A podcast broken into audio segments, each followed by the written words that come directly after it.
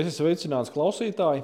Latvijas Valsts meža zinātnes institūta Silava podkāsts ir raidierakstu sērija par meža nozares aktualitātēm, institūtā veiktiem jaunākiem pētījumiem, tajos iegūtiem rezultātiem, atklājumiem un atziņām. Tās ir sarunas par meža zinātni. Klausies, uzzini un analizē.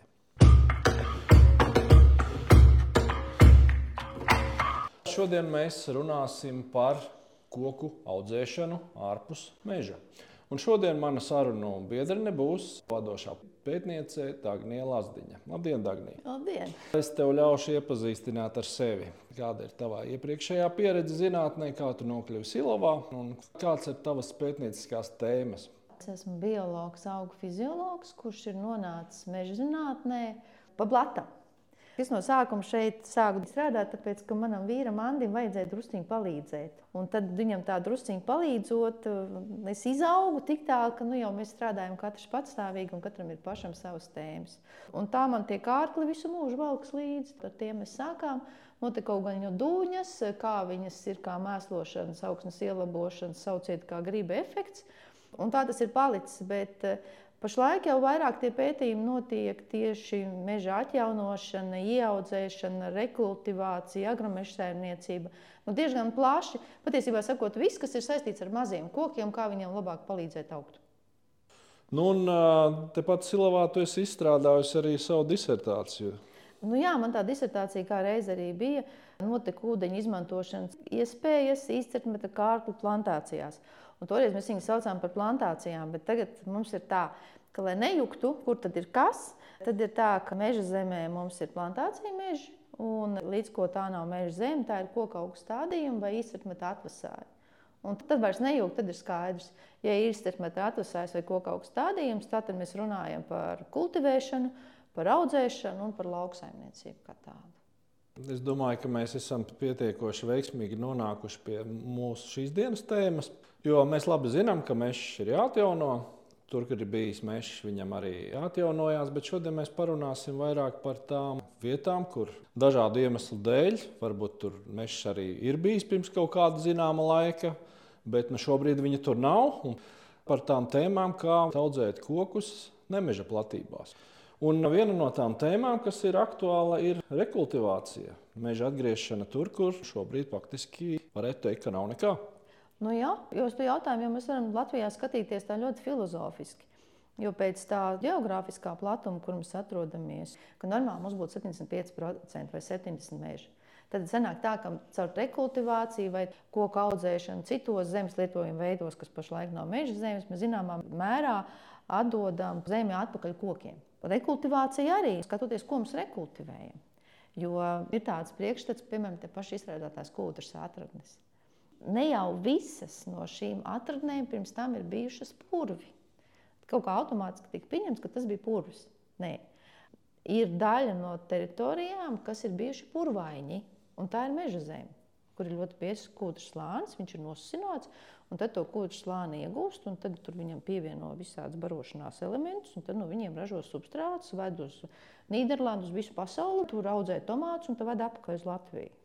Un tad, kad ir iegūts tas kūdras slānis, līdz kaut kādam līmenim, kad vairs tā kūdra nav piemērota substrātu ražošanai, tad ir jāsāk domāt, ko darīt. Vai tur audzēt kaut ko citu, vai to platību nopludināt. Un tad atkarībā no tā, kāds ir tas ūdens līmenis, tad arī tiek pieņemts vairāk vai mazāk saprātīgs lēmums.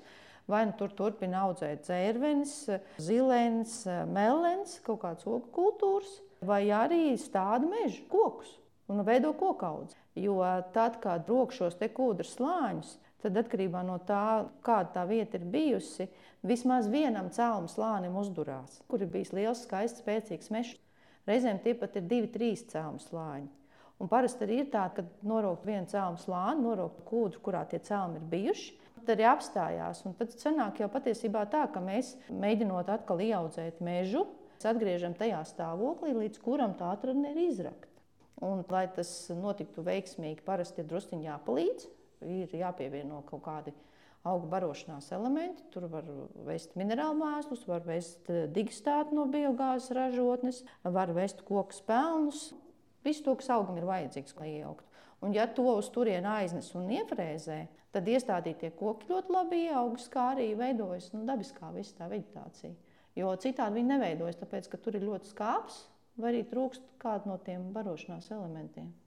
Mums šī pieredze ar šo izstrādāto kūdras karjeru rekultivāciju nu jau ir, varētu teikt, vairāk desmiti gadi. Es teiktu, ka gan arī simts gadi. Ne visus pierakstus mēs zinām, bet ja mēs palasām tādas mazas brošūriņas, saucās Meža dzīve, tad tur ir aprakstīts, tur ir izrakti kūdrāji vai kūdriņi izrakti, un tad tur ir stādīti apakaļ koki. Tāpat tās 1900.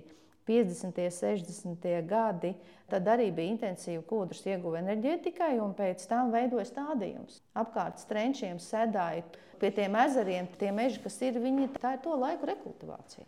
Viņi tur ir ieaugušies. Tas, ko es biju domājis, ir tas, ka arī man ar tevi ir nācies aizbraukt uz vietu, redzēt, ka tur ir brūna, saulē izdegusi kūdra, ka tur nav nekāda zaļumiņa un izveidot eksperimentu un pārliecināties, ka burtiski dažu gadu laikā tā vieta pilnīgi pārvēršas. Tur veidojās mežs, tur ir Jā. ne tikai koki, tur arī vegetācija, tur veidojās visa šī meža vide. Kas ir tas svarīgākais, kas to visu tā pārvērš? Tas, ka augiem ir no kā pārtikt. Ļoti vienkārši. Jo tur, kur ir tie brūnie tūkstneši, tur augsnes pH, ja to var saukt par augsni, ir 2,5, 3 apmēram tā. Ja tur veids fosforu kālija analīzi, tad tur šo elementu praktiski gandrīz nav. Vai arī fosfors ir praktiski neuzņemams augiem. Un tādās vietās arī veidojas tās mazās kaut kādas saliņas ar augiem. Nu, tas ir tās vietiņas, kur dzīvnieki pastaigās ir gājuši, no viņiem kaut kas ir nobiris, un tad tajā vietā tur tie augi ir ieaugās. Ja šīs izstrādātās teritorijas ir savienotas ar blakus esošu mežaudzi ar grāvu tīklu, tad parasti notiek arī tā, ka pa to grāvu tīklu notiek barības vielu apmaiņa, un blakus tam mežam arī sākās dabiskais process un sākās atjaunošanās. Bet tajā vietā, kur mēs ar Kasparu kopā esam darbojušies, kas arī bija viens no izmēģinājuma objektiem manai disertācijai, 2006. gads, kad mēs sākām, tad nu, tūlīt jau būs 20 gadi. Jā, tur tā ir, kad ir tā kā robeža, kur mēs esam ienesuši mēslojumu, un pēc tam tālāk ir mirusī zona. Jo tur, ko mēs ienesām kā papildus barošanās elementu, bija sadzīves notekūdeņu dūņus. Tas ir tas, ko cilvēks ir apēdis un ar ko viņš sev māju un pašu sevi mazgājis. Un blakus arī koknes pelni un drusku arī minerāla mēsli. Un pašā sākumā mums bija tāda sajūta, ka minerāla mēsliem ir vislabāk, nu, pirmajos trīs gados. Bet tagad ir tā, ka tur, kur bija minerāla mēsla, tas tagad izskatās pēc purvaina. Savukārt, tur, kur mēs lietojām sadzīves notekūdeņu dūņus vai koksnes pelnus, kuros ir ne tikai fosfors, kālijs, bet arī jūra mikroelementu, Tad tur veidojas meža augs, kas izskatās jau pēc eh, šaurlapju vai platlapju kūdriņa atkarībā no tā, kuru koku sugu mēs iestādījām. Tas ir viens no tiem mūsu lielajiem gandarījumiem darbā, veidojot šos eksperimentus un skatoties. Un redzot to, kā mūsu pieredzes laikā tas viss ir mainījies un kā ir izaudzis mežs. Bet, protams, tam ir arī milzīga ekoloģiska nozīme šī rekultivācija. Mēs nerunājam šajā gadījumā par koksnes kubikmetriem, bet arī to efektu, ko mēs panākam vienkārši atgriežot šo zemi, gan domājot par oglekļa bilanci un, un arī tādiem jautājumiem. Jā, tur ir gan ogles, gan arī tā pati sugu vieta. Jo viena lieta ir tās četras koku sugas, ko mēs tur esam pārsvarā stādījuši, kas ir priede, bērs, melnāksnes un egle.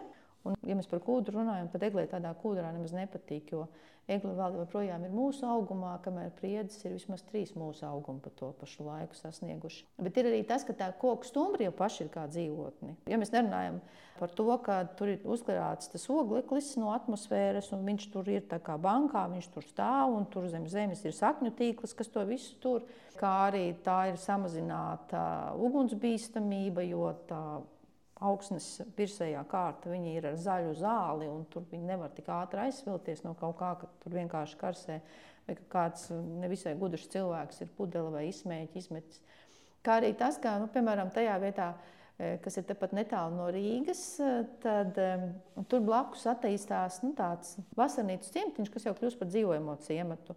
Un tieši uz ceļu, pa kuru mēs parasti braucām uz savu objektu, uzbūvēja māju. Un tad mājas īpašniecei viņai vajadzēja, nu, nu, kāpēc viņi tādā interesantā vietā dzīvo. Viņš saka, nu kā, nu te tak skaisti, re, kur jauts mežiņš blakus. Un tas mums pilnīgi nu, tā kā tāda medus maize, ja, ka to mūsu stādīto mākslīgi, antropogēni veidoto. Kāds uzskata, nu skaists mežiņš blakus. Nu, vai tad vēl labāk var būt? Un arī tas, ka mēs jūtam, ka tas ir nu, jau kārtas izstrādātā kūdras atrunē, ja, ka tas grāvis, kas ir starp tām kārtām, ka viņi arī mainās vegetācija. Jo tā, mēs tikko tur sākām darboties, tur tajā grāvī nekā nebija. Tur bija tikai ūdens dzidrs. Un tad pamazām tur ieviesās Magelānas fagnas, Tad viņi tur kārtīgi auga tie magalēnas fagni. Un tagad uz tiem fagniem jau veidojas ciņu smilgas, doņi, grīšļi, viņš jau sāk pēc purva izskatīties. Jo tie kartu grāvi starp to mūsu eksperimentu 20 gadu laikā, viņos sāk ieviesties tāda kā purva veģetācija. Kas zināmā mērā, nu, vismaz pa manai saprašanai, ir apliecinājums tam, ka, ja grib rekultivēt, atjaunojot purvu, nu, tad tāpatās arī tiem purvu augiem, kas ir ļoti pieticīgi, nu, viņiem tāpatās tie barības elementi ir par maz, tāpēc arī ir tā, ka vienkārši atstājot, nekas nenotiek. Jādod atpakaļ, ko es paņēmu. Sākot runāt par rekultivāciju, mēs uzreiz pievērsāmies šiem strādātiem kūdras karjeriem, bet mums ir arī citi karjeri. Mums ir derīgu izrakteņu karjeri, kurus arī vajag pēc tam, kad tur ir iegūti šie derīgi izrakteņi, viņus pēc tam vajag atgriezt dabai. Un, un meža saimniecība arī piedāvā šajā gadījumā risinājumu. Jā, mums ir smilts, grāns un dolomīts. Ar dolomītu mums ir interesanta pieredze eh, pie brocēniem cemeks. Lūdzu pat mūsu konsultāciju, kā rekultivēt. Un tad mēs ieteicām, ka uz tā cietā blīvā dolomīta tomēr ir jāuznes nedaudz auglīgais augsnes slānis, kur tam kokam sākumā ieaugties. Un pēc tam jau to dolomītu, nu, mēs zinām, ka koki pat asfaltu sadrupina uz māju jumtiem, un kur tikai neieaug. Nu, tur tajās bijušajās dolomītu raktuvēs tie apstākļi ļoti līdzīgi. Viņi ir līdzīgi kā Skandināvijā, kur apakšā ir akmens un pa virsmu tikai nu, nedaudz tas organiskais slānis. Un tajā vietā izdevās veiksmīgi ieaudzēt augsni un arī eglis un arī bērns. Un tad, iedvesmoti no tā rezultāta, pēc tam cemeks cilvēki paši jau tālāk turpināja. Viņi gan sastādīja bērnu, Es tagad neesmu redzējis, bijis, kā viņiem tas izdevās, bet pašā sākumā bija ļoti labs rezultāts. Arī nu, tā izpratne ir, ka tā augsta jāuznes. Vēl viena interesanta lieta ir šie smilts un grāns karjeri, kur visbiežāk pēc tam kļūst par rekreācijas vietām. Jo tur ir tā, ka izrok to dziļo bedri, un tā dziļā bedra piepildās ar ūdeni, un parasti tur ir tāds nu, mazais lielais dīķītis, ezeriņš, kas kļūst par peldvietu. Savukārt tie krasti, kas ir visādām debesu pusēm orientēti, tie ir piemēroti uzreiz dažādām koku sugām, kuram tur nogāzē labāk patīk, kuram tur augstāk gribās. Kā arī šādās vietās, ja viņas daudz nekustina un nav liela rekreācijas slodze, tur parasti nezinu, no kurienes parādās nabadzīgām vietām raksturīgi reti augi. Piemēram, ļoti daudzas silpureņu atradnes ir bijušajos grāmatas karjeros vai to malā, vai arī bijušajās krautuju vietās vai to malā. Tāpēc, ka, lai silpureņus ieviestos, viņām vajag atcelt to kailo, un tad tur tā sēkliņa iekrīt, un tad ir saulīte un gaisma. Un tāpat tās arī meža bites. Šādi te grāns, smilts, atsegumi, tā ir viņām pat, pat labākā vieta. Jo no vienas puses mēs it kā to vidi esam pārveidojuši un degradējuši, Bet no otras puses mēs veidojam ļoti tādu dažādu reljefu, vietu ar dažādām augsnes īpašībām, kur tad vienā teritorijā var būt pēc tam ļoti liela daudzveidība. Jo viņi ir dažādi un viņi līdz ar to ir piemēroti dažādām sugām. Tā ir skaitā kokiem. Var mērķiecīgi audzēt tos kokus, var nedaudz pagaidīt un skatīties, kā daba sakārtos, un tad tikai papildināt. Pašlaik ir padomā, ka mēs šādas aktivitātes veiksim un ka šajos karjeros stādīsim kokus, ir tāds, tāds paņēmiens, lai cilvēkiem parādītu, cik svarīgi ir nesastādīt par blīvu, kad sākot no centra uz aplīti, nu, tādos kā staros stādi. Un tad sanāk, ka centrā tie koki ir ļoti blīvi, blīvi viens pie otra, un tajā aplīša ārējā malā ir salīdzinoši ļoti rets tas stādījums. Un no sākuma viņš ir vienāds, un tad mēs tā ceram, ka mums vēl 20 gadi karjerā ir, ka to 20 gadu laikā pēc tam mēs redzēsim to rezultātu.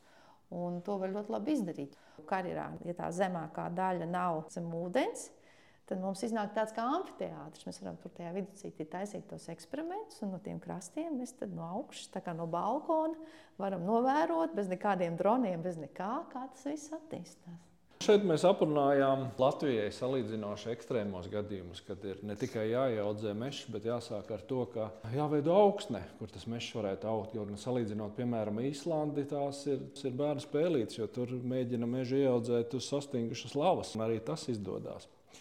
Bet eh, mums ir tāda joprojām problēma lauksaimniecības zemes, kuras, arī skaitās, ka kādreiz ir bijušas lauksaimniecības zemes, mums joprojām aptuveni 200 tūkstoši hektāru ir, kur īsti nav zināms, kas, kas tur aug, vai tā ir lauksaimniecības zeme vai krūmājs. Un, lai arī situācija, protams, uzlabojas, bet joprojām tas ir arī jautājums lokus, kuru Silava joprojām risina. Un šī lauksaimniecības zemju apmežošana vai koku audzēšana lauksaimniecības zemēs ir arī ļoti aktuāls jautājums arī tavā darbībā.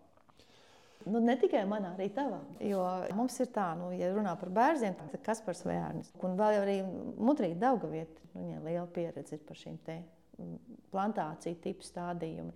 Man tas vārds plantācija ļoti nepatīk. Man patīk tomēr ieaudzēta meža audzes.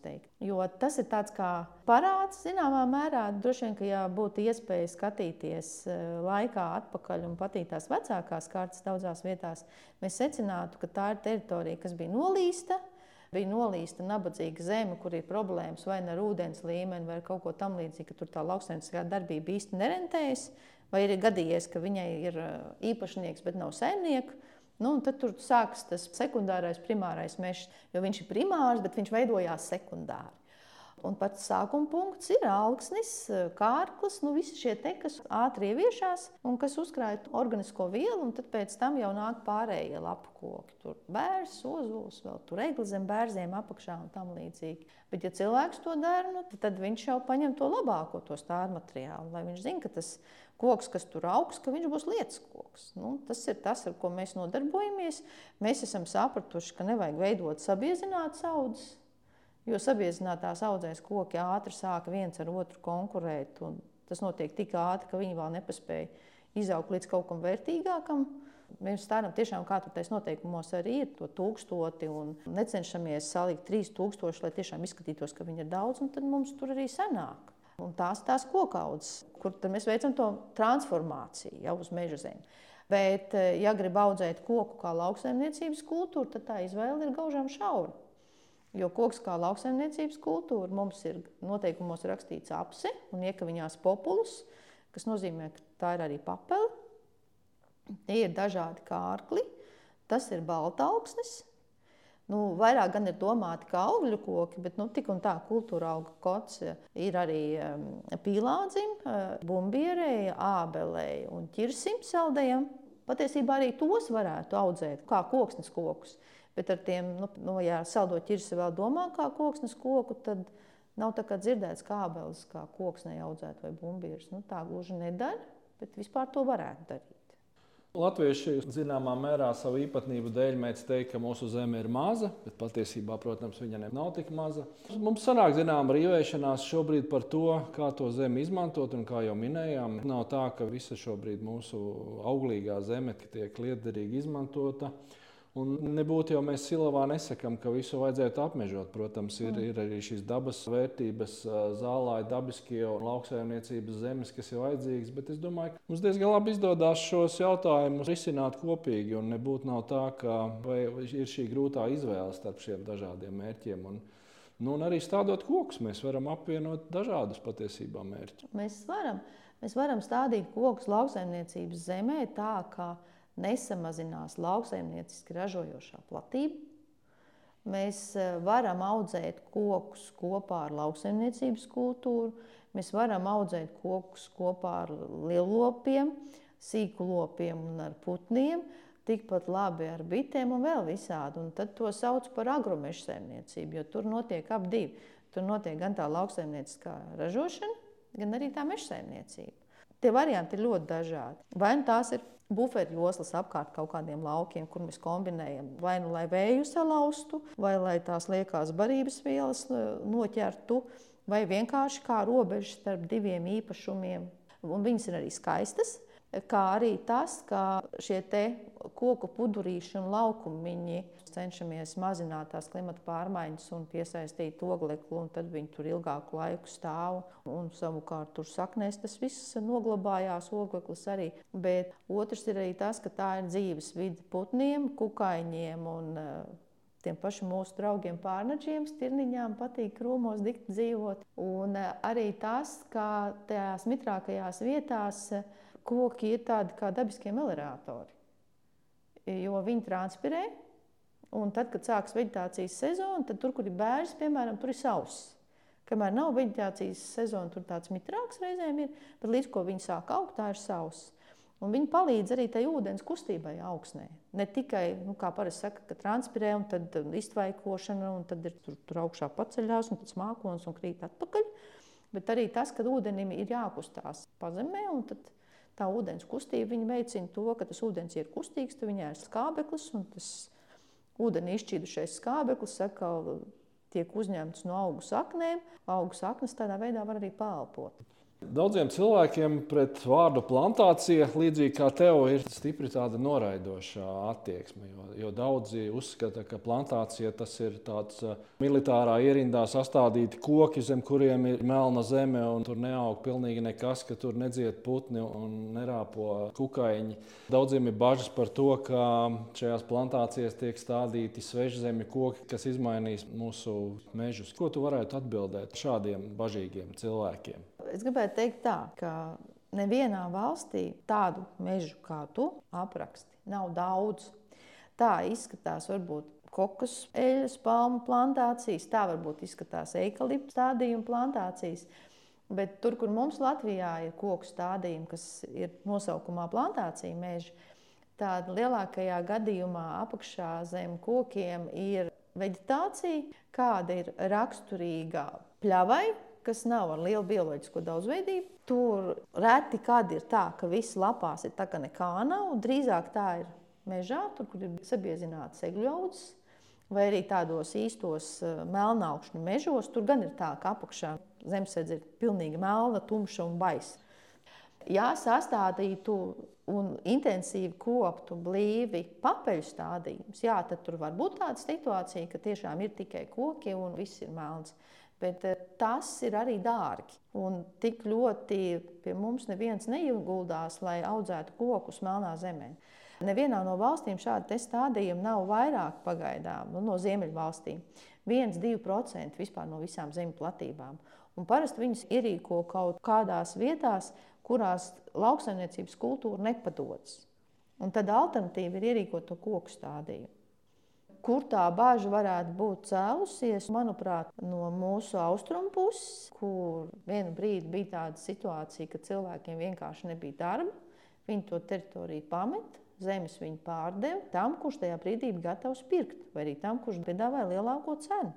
Un to, ko latvieši ir pārdevuši, to kāds ir nopircis un tur ir iestādījis kokus. Un tagad, kad mūsu lauksaimnieki kļūst turīgāki un viņiem ir vēlme paplašināties, un viņi grib vairāk tās lauksaimniecības zemes, tad viņi secina, ka tur tās bijušās lauksaimniecības zemes jau ir kļuvušas par egļu, bērnu un vēl kaut kur plantācijām. Un tur tiešām tie koki ir rindās kā zeldātiņi. Un atkarībā no tā, kādā virzienā tā rinda ir pret ceļu, tad ar mašīnu braucot arī tā izskatās. Bet tajā pašā laikā mēs priecājamies, vai cik skaista ainava aizbrauc uz Itāliju. Tur vīno galā viss rindās, tā kā zeltātiņa, bet ļoti skaista ainava. Vai, piemēram, braucam garām ābeļu dārzam, plūmi dārzam, ja koki rindās, vai cik skaisti, ja? nu, cik skaisti. Bet, ja tā ir kāda cita koku suga, kas nav vīns un kas nav augļi, tad mums vairs nepatīk, tad ir nesmuki. Ir zināma kategorija cilvēku, kas šos koku stādījumus, ja plantācijas sauc par zaļo tūkstnesi. Es domāju, ka Dāngnija tu varētu norganizēt, eh, piemēram, sēņošanas meistarklases šajās Jā. platībās. Jā, jo mums ir tāda pieredze, ka hibrīdās apses, kur ir mūsējā apse, populis tremulē un tremulīdes amerikāniete, viņas ir hibrīds. Viņas ir ātraudzīgas. Ja mēs bijām sastādījuši divreiz divi, tad trešajā gadā pēc tādiem ierīkošanas mums tur parādījās apšubeks. Tur, kur bija sastādīts 3x3, tur bija 4. gadā, un tur, kur bija sastādīts 2,5x5, tur 5. gadā. Tātad vajadzēja saknēm ieņemt kaut kādu zināmu laukumu zem zemes, lai veidotos bāze, uz kā tās apšu beku mikrorīze var attīstīties. Un tādos koku stādījumos ir arī bērnslapis, tur ir rudmies un tur ir arī krimulds. Tur var iet sēņot. Un pašā sākumā bija ļoti skaisti, jo kukaiņi to vietu vēl nebija atklājuši. Un viņas bija pilnīgi tīras bez stārpiem. Bet tā bija tikai viena gada. Mēs paši brīnamies, nu kā tā, viņa bija lauksaimniecības zeme vismaz 30, 40 gadu pirms tam esmu bijusi meža zeme. Mēs domājam, ka mēs, kad stādījām, mēs stādījām ar saviem meža zābakiem, kā arī pirmajā gadā tā platība nebija žogota. Un tur ganījās stirnas daudz, un mēs domājam, ka tās stirnas ar tiem saviem kažokiem, tomēr gulēdamas vienā, otrā, trešā audzē, ka viņas tās sporas atnesa un ka viņas mums tur tika. Ir jau arī šāds koku stādījums, ierīko, lai trifeles audzētu. Mums ir Diana, kas audzē trifeles Latvijā. Viņa gan nav mūsu institūtā, bet ir. Par tiem zaldātiņiem, par tām koku rindām un par tiem tūkstošiem. Man gribētos teikt, tā, nu, ka vajag piestāt, izkāpt no mašīnas, izņemt austiņas un paklausīties un paskatīties. Jo tad, kad es rādu video par vienu no mūsu eksperimentālajiem stādījumiem, kas ir skrīveros, pārdenčos. Man prasa, kāpēc tu lieti soundtraku. Es nelieku soundtraku. Tur vienmēr ir čivini putni. Tāpēc, ka ir koku vainaga, un tajos vainagos samets putni, viņi tur bija līgstas, viņi tur dzīvo, tur uz tiem stumbriem ir kukaiņi, tur augsnē ir visādi tur tārpiņu un vēl vis kaut kas. Tur mums arī zaķis uztaisīja caurumu sētā un, un apēda visas kļavas gandrīz. Vienkārši garām braucot, tā arī izskatās koki rindās.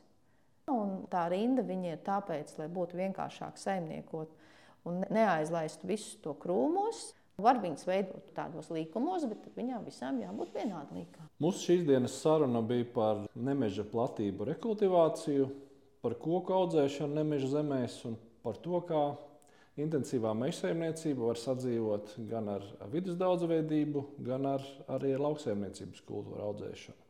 Mana šīs dienas sarunas partnere bija Dagnija Lazdiņa. Paldies, tev, Dagnija! Uz citu tikšanos reizi!